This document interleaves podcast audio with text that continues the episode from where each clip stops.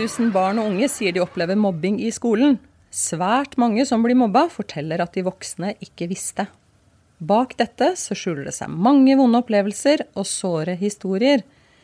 Og det forteller oss også at selv om det finnes mye kompetanse for å hjelpe, så er det fortsatt en lang vei å gå for å se alle dem som ikke har det bra på skolen. Velkommen til Lærerrommet, podkasten fra Utdanningsforbundet. Jeg er Vigdis Alver.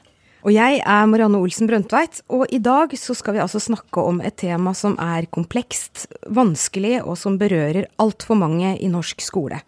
Vi skal snakke om mobbing, og da spesielt den mobbingen som er vanskelig for de voksne å se og ta tak i. Vi skal snakke om mobbearbeid, og vi spør om skolen egentlig er godt nok rusta til å forebygge og oppdage og stoppe mobbingen. For det dreier seg om at alle barn skal ha det trygt på skolen. Og med oss her i dag så har vi to gjester som skal kunne gi oss både faglig innblikk på mobbing, men også vil få dette belyst fra både et elev- og lærerståsted.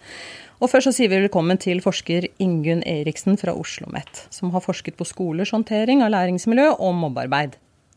Og så sier vi også velkommen til Kjersti Doveren. Du er Oslos første mobbeombud. Du har også bakgrunn som lærer og leder i skolen. Velkommen til deg også. Tusen takk. Aller først til deg, Ingunn Eriksen. Du og medforskere dere har reist rundt på 20 skoler og sett på hvordan det arbeides med læringsmiljø og tiltak mot mobbing. Hva vil du si er det mest overraskende dere fant ut med mobbetiltakene rundt omkring? Oi, det mest overraskende? Ja, altså det var jeg og Selma Ling fra Arbeidsforskningsinstituttet som, eh, som reiste rundt. Og vi snakka jo med lærere, og vi snakka med ledere. Og så snakka vi også med elever, og vi observerte også ganske lenge i fire klasser. Fire skoler. Eh, så det er klart at da får man ulike perspektiver på ting. Og én ting er hva folk sier, eh, og en annen ting er hva folk gjør. Og vi var jo ikke ute etter å ta folk på noen ting, men det er jo helt tydelig at eh, det er noen hovedstrategier. Jeg tror det var en ting som ikke var overraskende, men det som var kanskje litt overraskende, var at de strategiene som skolene bruker, de er veldig forskningsbasert. I hvert fall disse skolene, som jeg må si at var også liksom best practice-type skoler.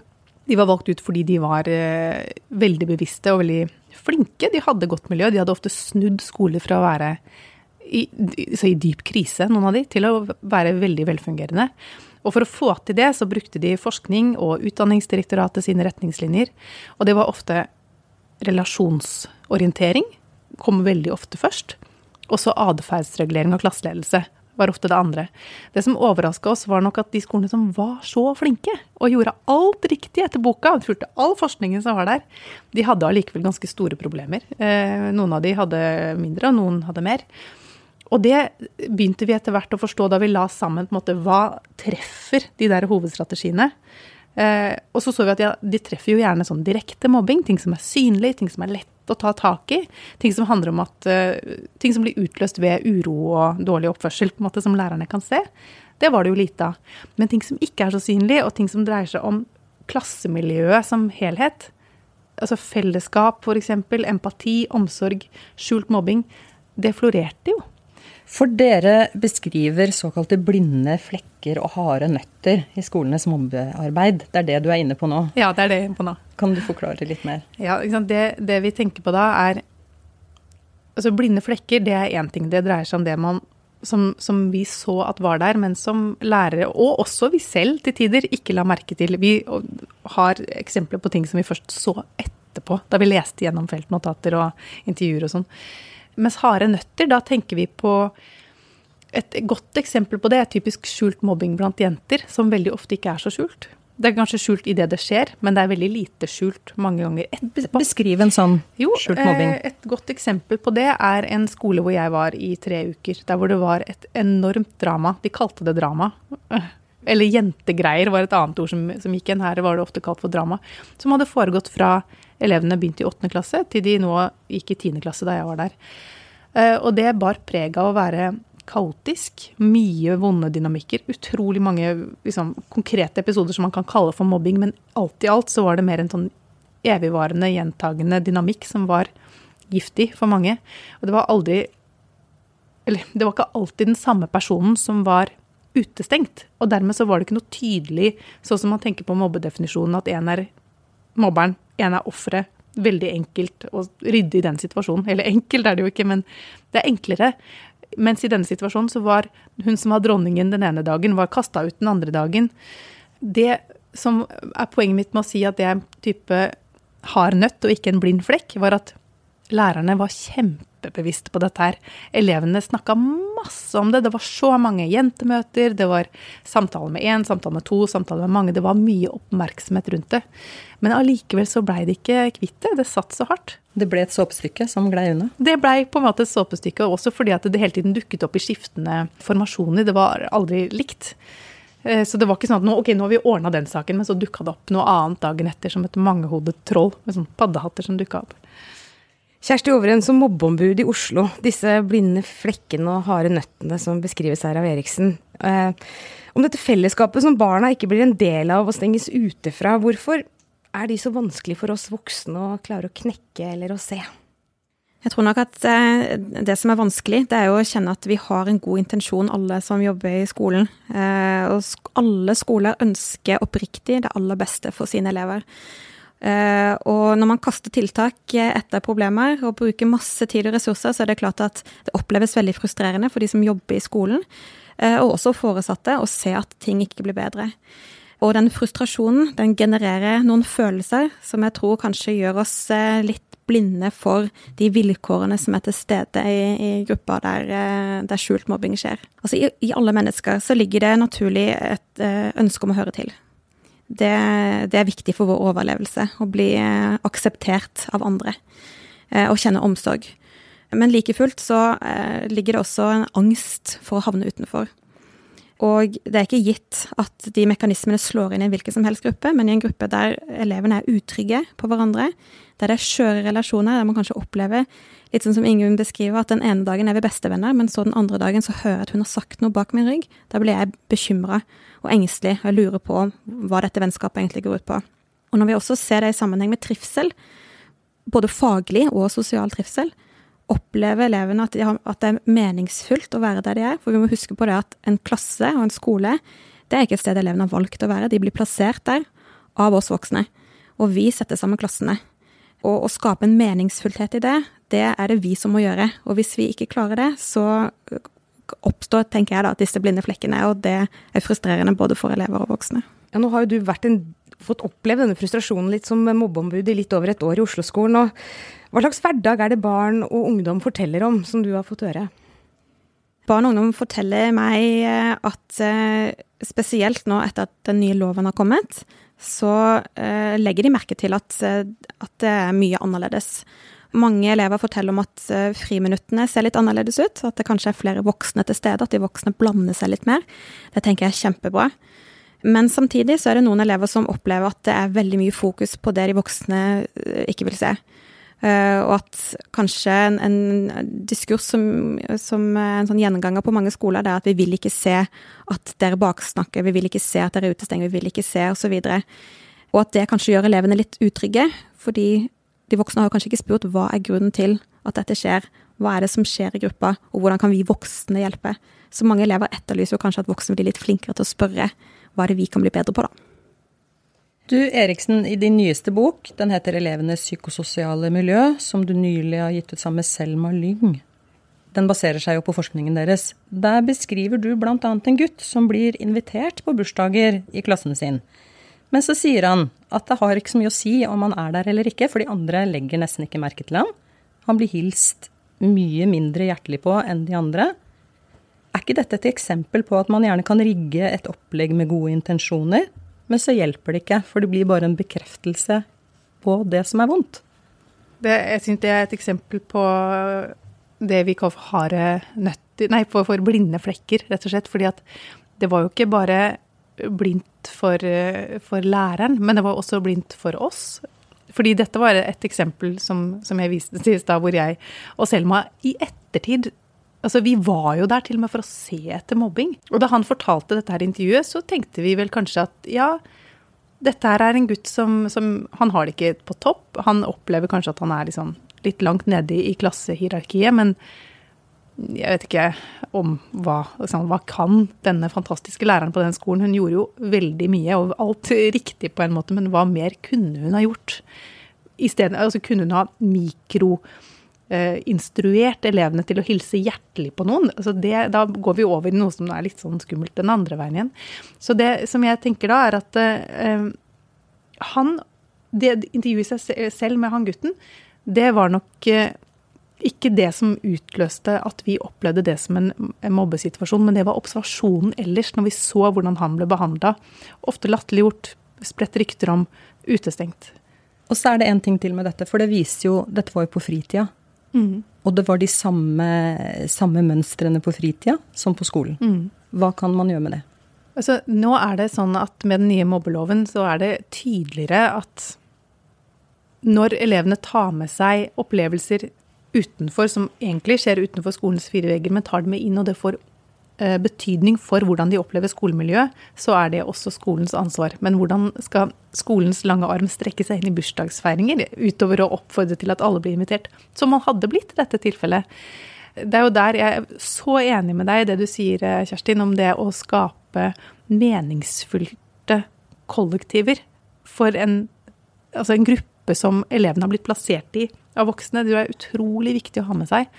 Og det er nettopp det vi beskriver i vår bok om en strategi som kanskje mangler, er jo nettopp å jobbe for å skape sånne meningsfylte kollektiver som kan installere i barna og ungdommene en følelse av empati og omsorg, og snakke opp det positive istedenfor å Jeg er helt enig med deg, det er mye sånn nei, vi skal ikke mobbe, vi skal ikke ditten og datten, men løfte fram eh, hvordan skal vi jobbe sammen for å inkludere alle sammen. Og forhåpentligvis vil det få også eh, konsekvenser for også det som skjer i bursdagsselskaper og utenfor skolen. Og dette her er jo en, en, eh, typisk sak som kan komme inn til meg. da, At eh, kanskje foreldrene til den eleven tar kontakt etter at det har gått ganske lang tid, og man har lurt litt på hva det egentlig som skjer. at uh, de, de, uh, Og de kanskje også har henvendt seg til skolen og sagt at gutten vår har det ikke bra, han opplever ikke å ha noen, noen, gode venner. Og så gjennomfører skolen en undersøkelse, og så sier skolen tilbake men nå har vi undersøkt, og vi ser at han egentlig har det ganske fint. Fordi han tuller og ler og smiler Uh, og uh, han, han, virker som han har det bra. Sånn at her kan det hende at det er noen strategier han mangler, som gjør at de andre trekker seg unna. Og at det da genereres en aktivitetsplan der det står noe om at han må få veiledning i hvordan han skal slutte å si så rare ting som gjør at elevene trekker seg unna. Jeg tenker liksom at det at vi voksne må være bevisst på at det er en forskjell på bli med, da, og ja, du kan sikkert være med. Men den nyansen der er så liten at vi må være veldig trente, tenker jeg, til å se disse dynamikkene, men også være villige til å erindre at her er det kanskje noe vi ikke har vært flinke nok til å gjøre, som har ført til at dette har oppstått. For det ligger jo en, en, en ganske rask konklusjon om å individualisere eh, problemer der hvor én elev ikke føler seg vel. Altså Da blir gjerne tiltakene sentrert rundt barnet og ikke selve miljøet. Hva slags konsekvenser får det, slik dere ser det? Altså, dette her er jo en av de store kjepphestene eh, våre, og som vi beskriver veldig mye i den boka. er en, fordi jeg tror mye av mobbeforståelsen stammer fra psykologien. Hvor det er en veldig individualiserende måte å forstå en mobber og en, en, et offer, som vi snakka om i stad. Mens vi går inn Jeg er jo ikke sosiolog, men jeg later jo litt som jeg er det. Så vi går jo ofte inn med litt sånn sosiologisk blikk og ser på gruppedynamikken. Og det som er helt åpenbart, er at en mobbesituasjon alltid har med en gruppedynamikk å gjøre. Og som strekker seg mye lenger enn bare den enkelte situasjonen. Veldig ofte så kommer det av et dårlig miljø i utgangspunktet. Eh, du snakker også om dette vi-et i en klasse, som dere var inne på i sted, begge to. Dette fellesskapet. Og du har vel skrevet også at eh, det er like viktig å jobbe med den elev-til-elev-relasjonen i fellesskapet som en god elev-lærer-relasjon og én-til-én-relasjonene. Kan du si enda mer om det? Ja, det? Hvordan skal man gjøre det i et klasserom? Det var litt sånn overraskende for oss også å se at de hovedbeina som mobbestrategiene, eller la oss si antimobbestrategiene, eh, hviler på, er jo veldig sånn lærer-til-elev-styrt. Altså det er relasjonsorientering dreier seg om lærerens relasjon til eleven, ikke elevenes relasjoner seg imellom. Atferdsregulering og klasseledelse er selvfølgelig basert på læreren. Men det mangler på en måte det leddet som dreier seg om relasjoner mellom elevene. Og der er det jo mange gode intensjoner og ønsker, og det fins lite forskning. Og det fins også lite som type tiltak i skolen, men det er mye som sosiale aktiviteter. Og det kan fungere både på godt og vondt, må jeg faktisk eh, si. Det er jo ikke alltid at det å ha en klassetur er eh, optimalt. Det kan forsterke negative dynamikker. Veldig ofte så er det kjempekult å bli satt sånn på slutten av 10. klasse eller på slutten av barneskolen. ikke sant? Og så får man, hvis det er positivt, så kommer de positive konsekvensene mer som sånn blipp, og så er det ferdig. Men eh, i det siste så har det vært et dansk forskningsmiljø som har jobba mye med å forstå hvordan man kan skape det de kaller for fellesskapende undervisning. Eh, og bruke det som er skolens kjerne aktivitet, nemlig undervisninga, aktivt for å jobbe med skolemiljøet. Og det gir altså så mye mening for meg, at man kobler de to tingene sammen. Altså, jeg tror det ofte er litt sånn tilfeldig. Men at hvis man går bevisst inn og ser på hvordan undervisningen kan brukes, man trekker, trekker veksler på elevenes erfaringer både i planleggingen og utføringen, og av og til også evalueringen av undervisningen. Bruke bevisst og, og knytt, ta, trekke inn de elevene som opplever seg utenfor å finne måter hvor man kan tenke seg hvordan f.eks. denne gutten Jon, som vi snakka om i stad, kan få mulighet til å skinne litt. Altså Vi vet jo også at hvordan eleven har det med læreren, og hvordan læreren behandler eleven, får konsekvenser for statusen eleven får i den klassen også.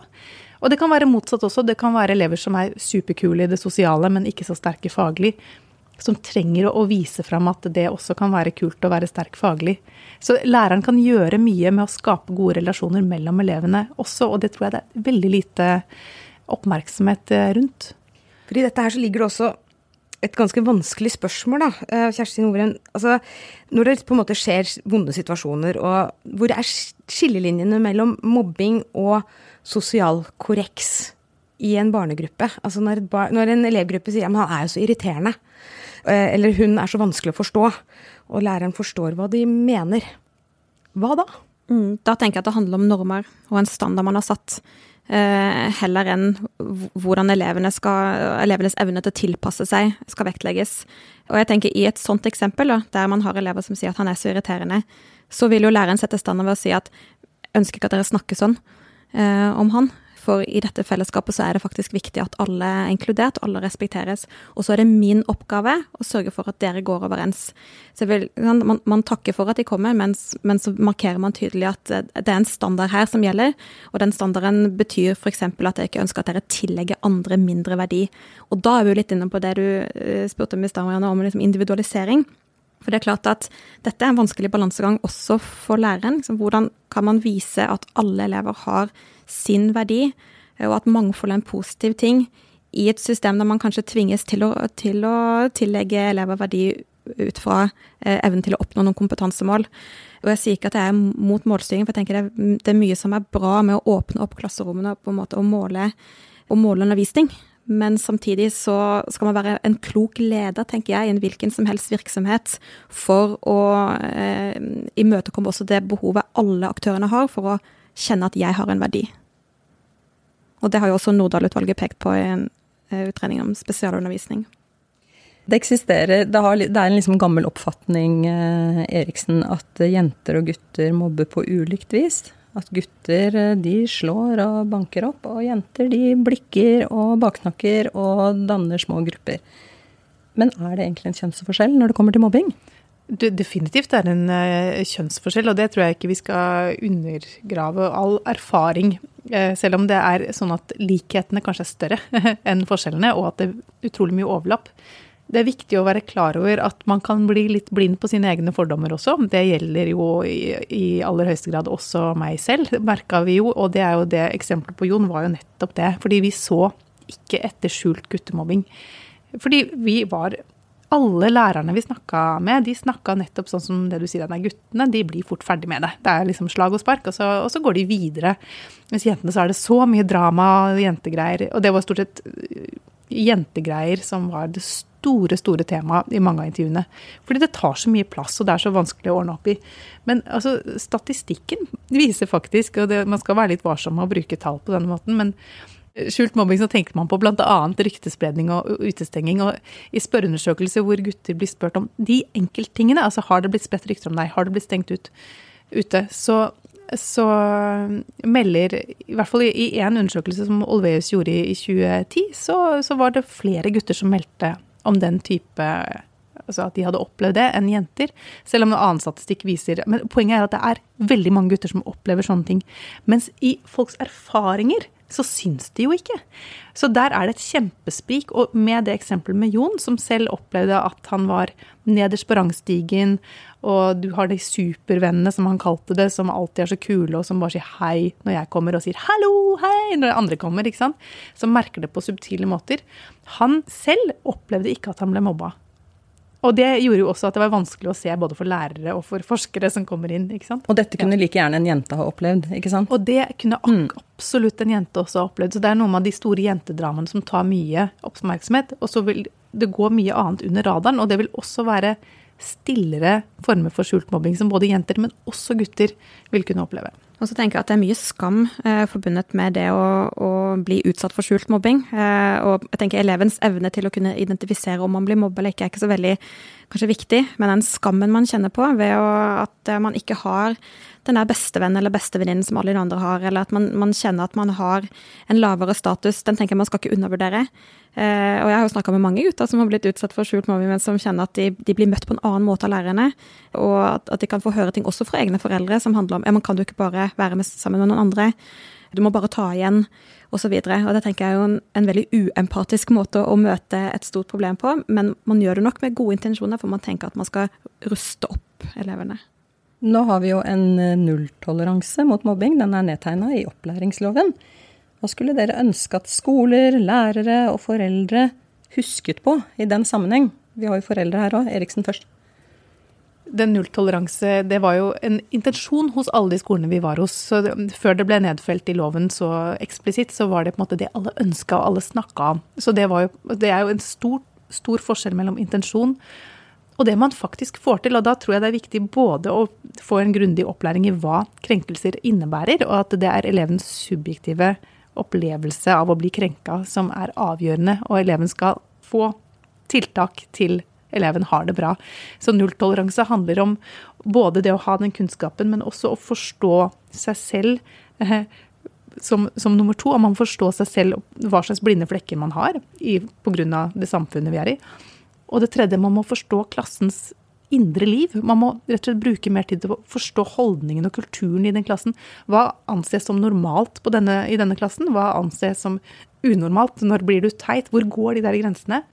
Og for det fjerde, bli kjent med elevene individuelt. For det at først med den gode relasjonen, så åpner man opp for å kunne forstå, forhåpentligvis på en mest mulig empatisk måte, og få åpne opp for historier for, som f.eks. gutter som, som føler seg utestengt.